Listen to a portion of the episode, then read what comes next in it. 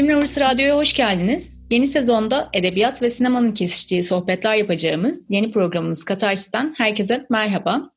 Ben Gülşah Özük, Ayça Yönyül ile birlikte 15 günde bir filme ya da diziye uyarlanmış edebi eserleri masaya yatırıp cevabı oldukça tartışmalı olan filmi dizisi mi yoksa kitabı mı daha iyi sorusunu irdeleyeceğiz.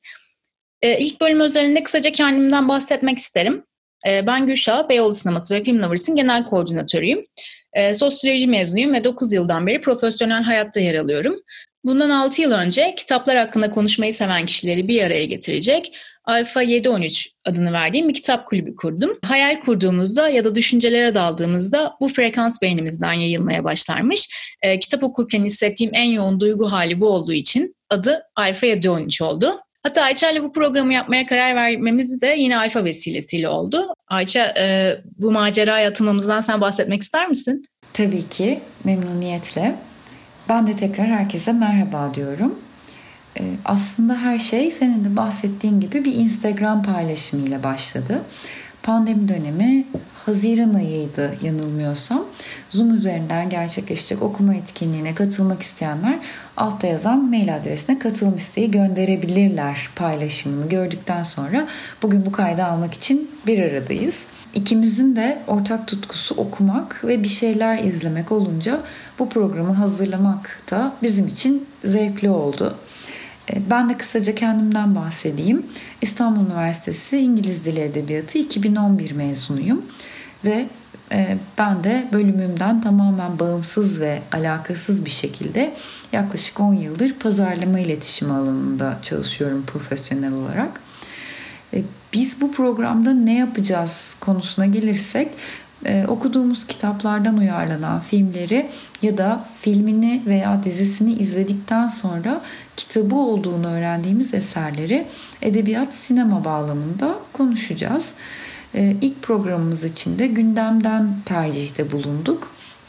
Ve geçtiğimiz hafta çarşamba günü 16 Eylül'de Netflix'te yayınlanan Düş Yakamdan Şeytan filmini konuşacağız. Donald Ray Pollock'un kaleme aldığı aynı isimli Türkçe'ye çevrilen ve Itaki yayınlarından yayınlanan romanı Düş Yakamdan Şeytan filmi ve kitabı üzerinden konuşacağız.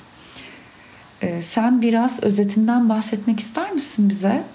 Tabii. Donald Ray Pollock'un e, Amerika'nın ıssızlığından doğan endişe halini çok iyi yansıttığı bir eser üzerine konuşuyoruz e, bulunduğu coğrafyayı çok iyi tanıyan bir yazar olduğu belli. Oldukları yerden bir türlü çıkamayan, eğitim olanaklarına sahip olamayan, ekonomik olarak ihtiyaç duydukları yeterliliğe sahip olamayan ve sürekli de bir çıkış yolu arayan insanların hikayesini yedi farklı bölümde aktarmış. Yedi bölümün atıfını da Hristiyanlık inançlarında yer alan yedi büyük günah yönlendirdiğini düşünüyorum. Bölümler yüksek oranda Carl ve Sandy'nin seri cinayetlerine odaklanmış halde cinayetlerin vahşetini kelimelere dökmekten çekinmeyen bir yazım tarzı var.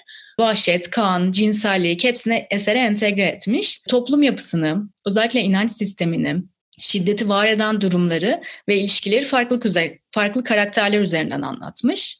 Kanımı donduran detaylar oldu açıkçası. Ee, örneğin inancı sömüren din lideri, savaşın etkisini üzerinden atamayan bir adamın cinnet hali. Özellikle savaştan dönen Willard'ın savaştan döndükten sonra aklından silemediği imgeleri anlattığı Miller Jones bölümünü okurken aklıma Ferdinand Selin'in çok sevdiğim bir romanı Gecenin Sonuna Yolculuk geldi. Savaş ve asker olma hali üzerine e, oldukça doyurucu anlatımı olan bir romandır o da. Hatta kitabı ve filmi tamamladıktan sonra e, Donald Ray Polon röportajlarını da okudum ve etkilendiği yazarların başında Ferdinand Selin'in geldiğini söylüyor röportajında. Düş yakamdan şeytanda çok az yer vermiş olmasına rağmen savaşın yıkıcı etkisine duyduğu öfke ve savaşın anlamsızlığına duyduğu inancı çok iyi aktardığını düşünüyorum. Söylediklerine ek olarak ben de birkaç bir şey eklemek istiyorum. Kitap daha doğrusu yazar gerçekten savaşın yıkıcı etkilerini ve birey üzerindeki yansımasını harika bir şekilde betimliyor. İkinci Dünya Savaşı sonrası evine dönen insanların yaşadıkları şoku anlatan e, o dönemde edebiyatta da dönem terminolojisinde sıkça karşılaştığımız İngilizce'de shell shocked diye bir terim var. Bu bir içine kapanma hali, inancın yitirilmesi, insanların artık mevcut düzendeki sabit ve değişmez sandıkları değerlerin savaş gibi bir kavramla çok çabuk yıkılabileceği ve sarsılmaya başlamasıyla bir denge yitimi, arayış sürecine girmelerini konu alan bir terim. Hikayenin zamansal akışına baktığımızda ana karakterlerde olmasa da Birinci Dünya Savaşı'ndan da etkilenen bir jenerasyonu görüyoruz. Ben de bu noktada konuyu birazcık zaman, jenerasyonla dinin ve inancın savaşı gibi okudum açıkçası. Baktığımızda Birinci ve İkinci Dünya Savaşları var. Yıllar ilerledikçe adını yer yer duyduğumuz bir Vietnam Savaşı var. Fonda hep bir savaş ve o insanların gündelik hayatlarına nasıl devam etmeye çalıştıklarına tanık oluyoruz. Tabii bunun etkileri olarak da bir inanç meselesi ve Tanrı inancıyla karşılaşıyoruz.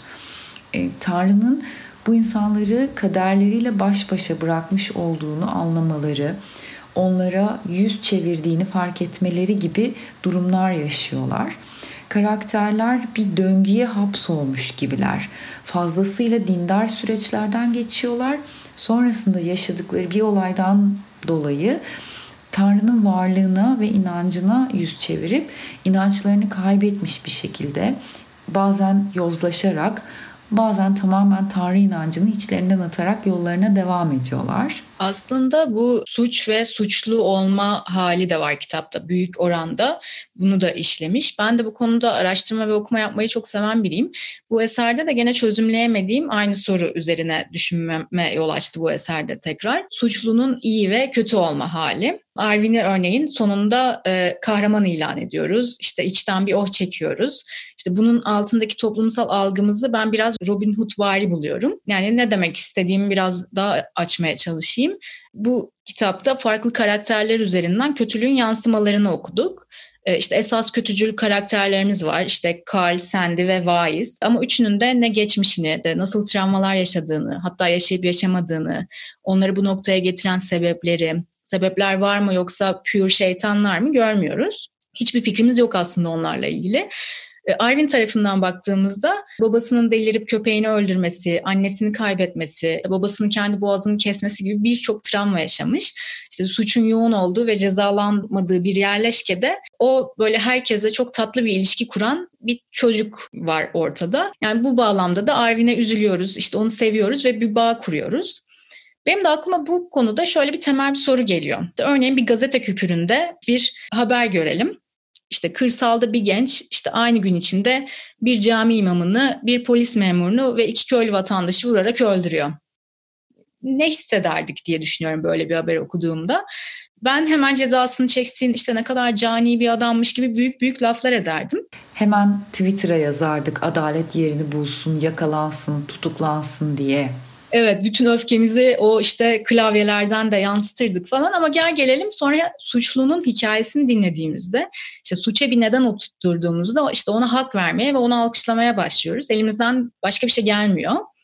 E, bu sebeple de romana baktığımda e, Polo'nun ya karakterler üzerine yeterince derin bir anlatım kurgulamamış ya da tam olarak hissetmemizi istediği şey bu döngü gibi düşünüyorum. E, ben burada açıkçası ikinci söylediğine katılıyorum.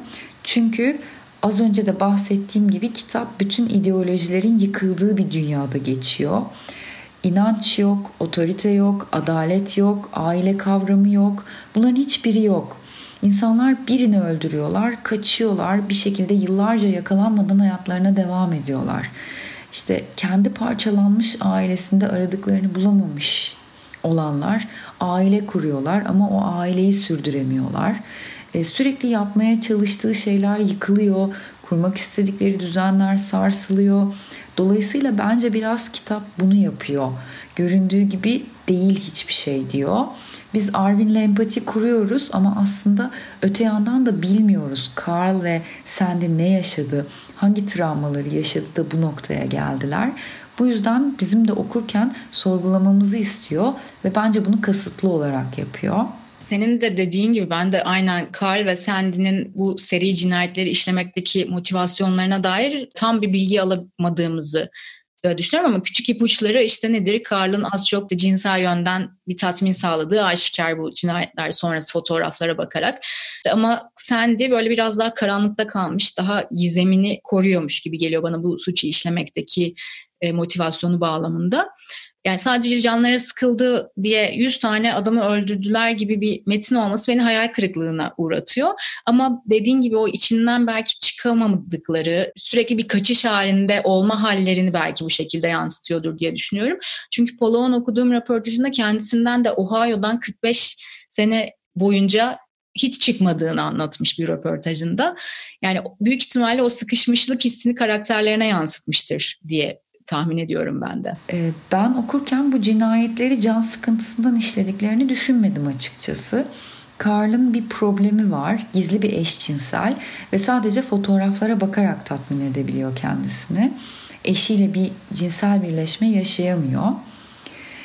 Sandy'yi ben kitabın en önemli karakterlerinden biri olarak görüyorum. Özellikle kitaptaki kadın karakterler açısından baktığımızda e, kadınlar erkek egemen dünyanın içerisinde hayatta kalamıyorlar.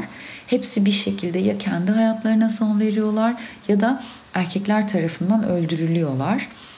E, tam hayatlarını yoluna soktum sanıyorlar ama genel olarak bu dünya, bu düzen buna fırsat tanımıyor. Diğer karakterlere de bakarsak Alice Louise Berry var. Iris Kelamcı'nın gençlik aşkı. Bu kadın Birinci Dünya Savaşı döneminde işte sekreterlik yapmak istiyor. En büyük hayali bu. E, bir şekilde okulu kazandıktan sonra kursa kayıt oluyor. Fakat o dönemdeki influenza salgınına yakalanıp ölüyor.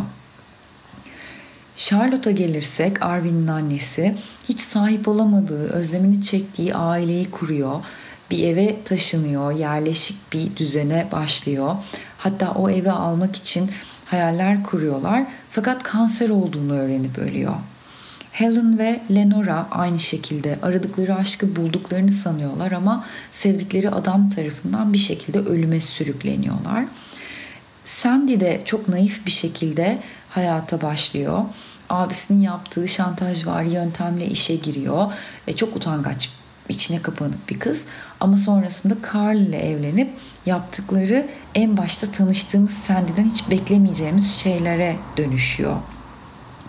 Bu denklemde aslında onun da bir şekilde ölmesi gerekirken e, o beklenmedik bir şekilde öldüren taraf oluyor. Mesela onun geçmişiyle veya dini altyapısıyla alakalı da hiçbir bilgi yok elimizde. Dindar mı değil mi bilmiyoruz baktığımızda ama bütün erkek karakterler Tanrı ile bir ilişkileri var. Yaptıkları eylemlere tanrısal atıflarda bulunuyorlar. İşte Tanrı için öldürdüklerini söylüyorlar. Tanrı için antifriz içip kötürüm kalan var.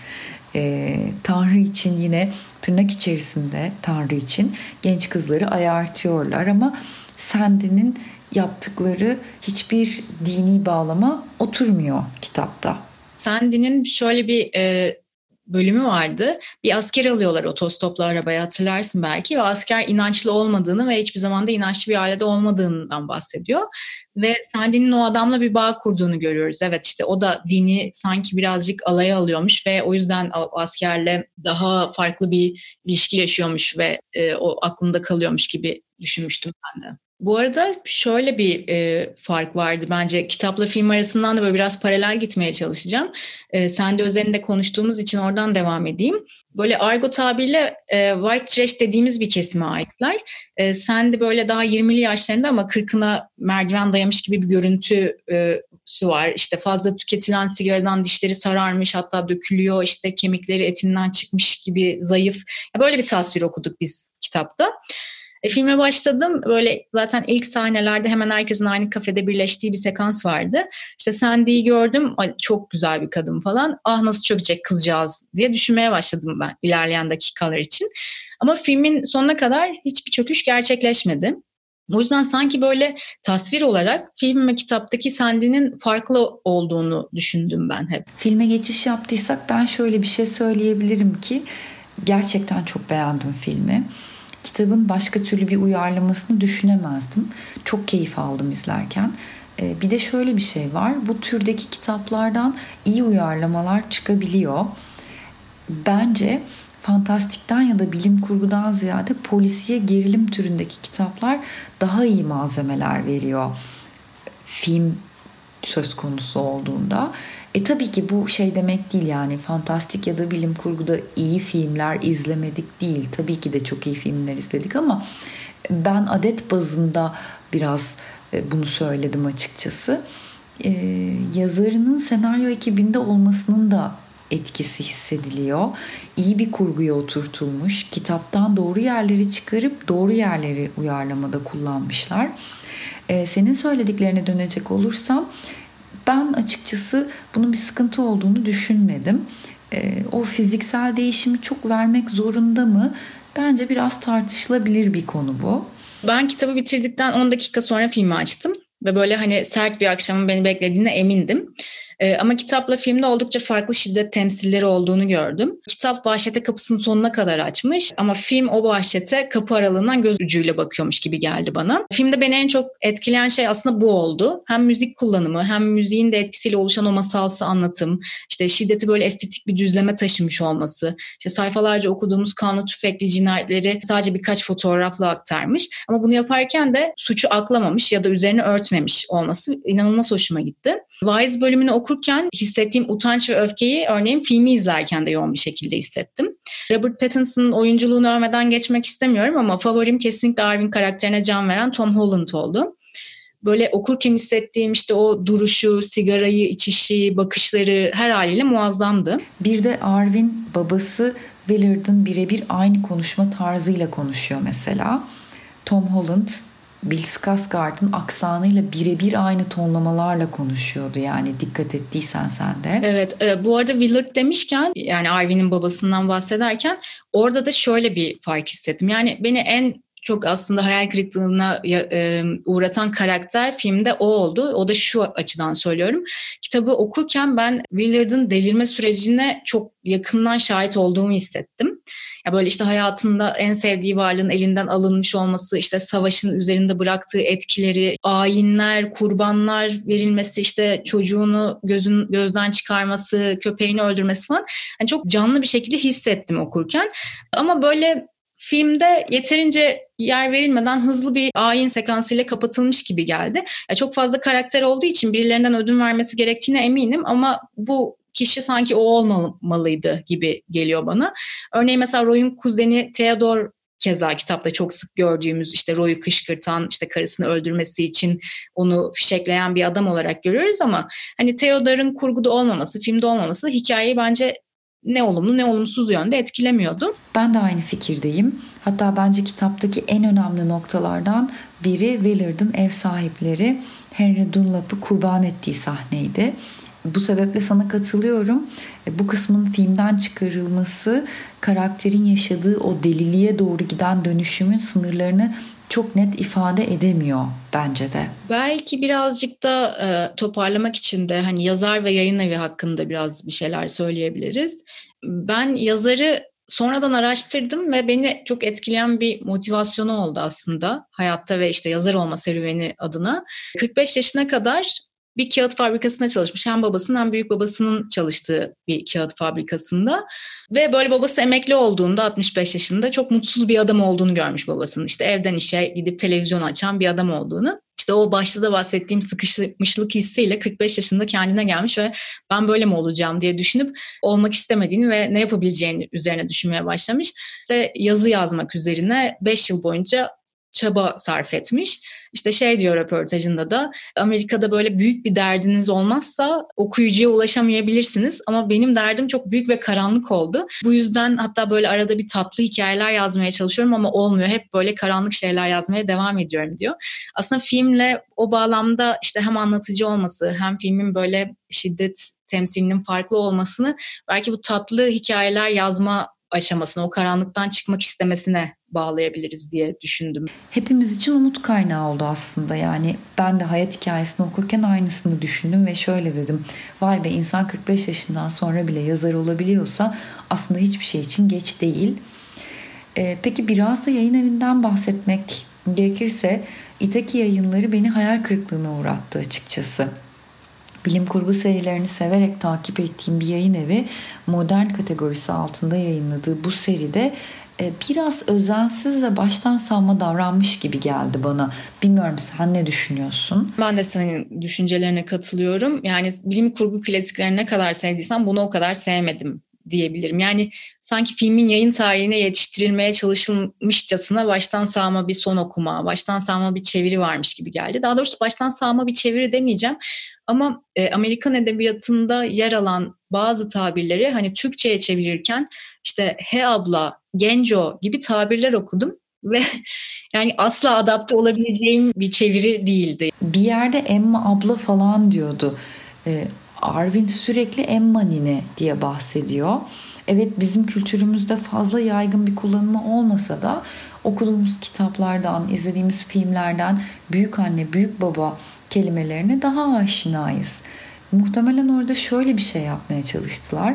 O kültürdeki bölgesel şiveyi okuyucuya geçirmenin bir yolu olarak bizim kültürümüze uyarlamaya çalıştılar. E, bence buna çok gerek yoktu. E, benzer kültürler olmadığı için alakasız ve sakil durmuş. Ben de doğru bulmuyorum. Olduğu coğrafyanın gereklilikleri neyse o, o şekilde çevrilmeli diye düşünüyorum. E, yazım hataları da vardı çok. Yani editoryal kısımda da bence biraz aceleye getirilmiş bölümler var. Kitabın basılı kapak tanıtımlarında değil ama dijital bütün tanıtımlarında işte sosyal medyada, internet üzerinde, e-ticaret satış sitelerindeki birçok metinde hep aynı PR cümleleriyle kitap tanıtılıyor. Netflix'te yayınlanan Robert Pattinson, Mia Wasikowska ve Tom Holland'ın rol aldığı Düş Yakamdan Şeytanın Uyarlandığı Kitap gibi e, benzer süslü cümleler kullanılmış. Bu da açıkçası ilk olarak akla şunu getiriyor. E, bu kitabı bir an önce yayınlayalım ve filmle birlikte oluşacak dalgayı da arkamıza alıp satışlarımızı arttıralım. Dışarıdan görünen bu. Yani en azından öyle iç yüzünü biz bilemiyoruz tabii ki. Tüm bu hatalara rağmen iyi ki çevirmişlerdi diyeceğim bir noktada. Çünkü okumaktan keyif aldığım bir roman oldu. E, hatta bu podcast'imizin konusu da filmi mi daha güzel, kitabı mı sorusuyla belki bitirebiliriz. Vallahi bence şöyle bir durum var. Ben ilk kez filmini daha çok beğendiğimi söyleyeceğim. Ee, ilk kez diyorum ama bizi dinleyenler anlamayacaklar muhtemelen. Biz daha önce iki demo kayıt aldık. İki farklı kitap ve uyarlamasını konuştuk. Onlarda hep kitaptan yana olduk ikimiz de. Ama bu sefer ben filmini daha çok beğendim. Oyuncu kadrosunun muhteşem performansları, yönetmenin başarısı, gerçekten izlemesi keyifli bir uyarlama olması bana böyle hissettirdi.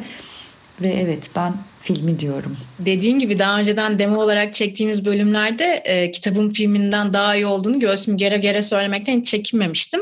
Ama bu eser özelinde ben sessizliğimi koruyacakmışım gibi. Çünkü ikisinden de farklı tadlar aldım ve bu iki farklı tadı karşılaştırmak şu an içimden gelmiyor. O yüzden hem filmi izleyin hem kitabı okuyun gibi mini bir öneri sunabilirim. Öyleyse ilk bölümün sonuna geldik. Bize buraya kadar eşlik etmiş olan dinleyicilerimize teşekkür ediyoruz. Önümüzdeki programda görüşmek üzere diyoruz. Hoşçakalın. Görüşmek üzere, hoşçakalın.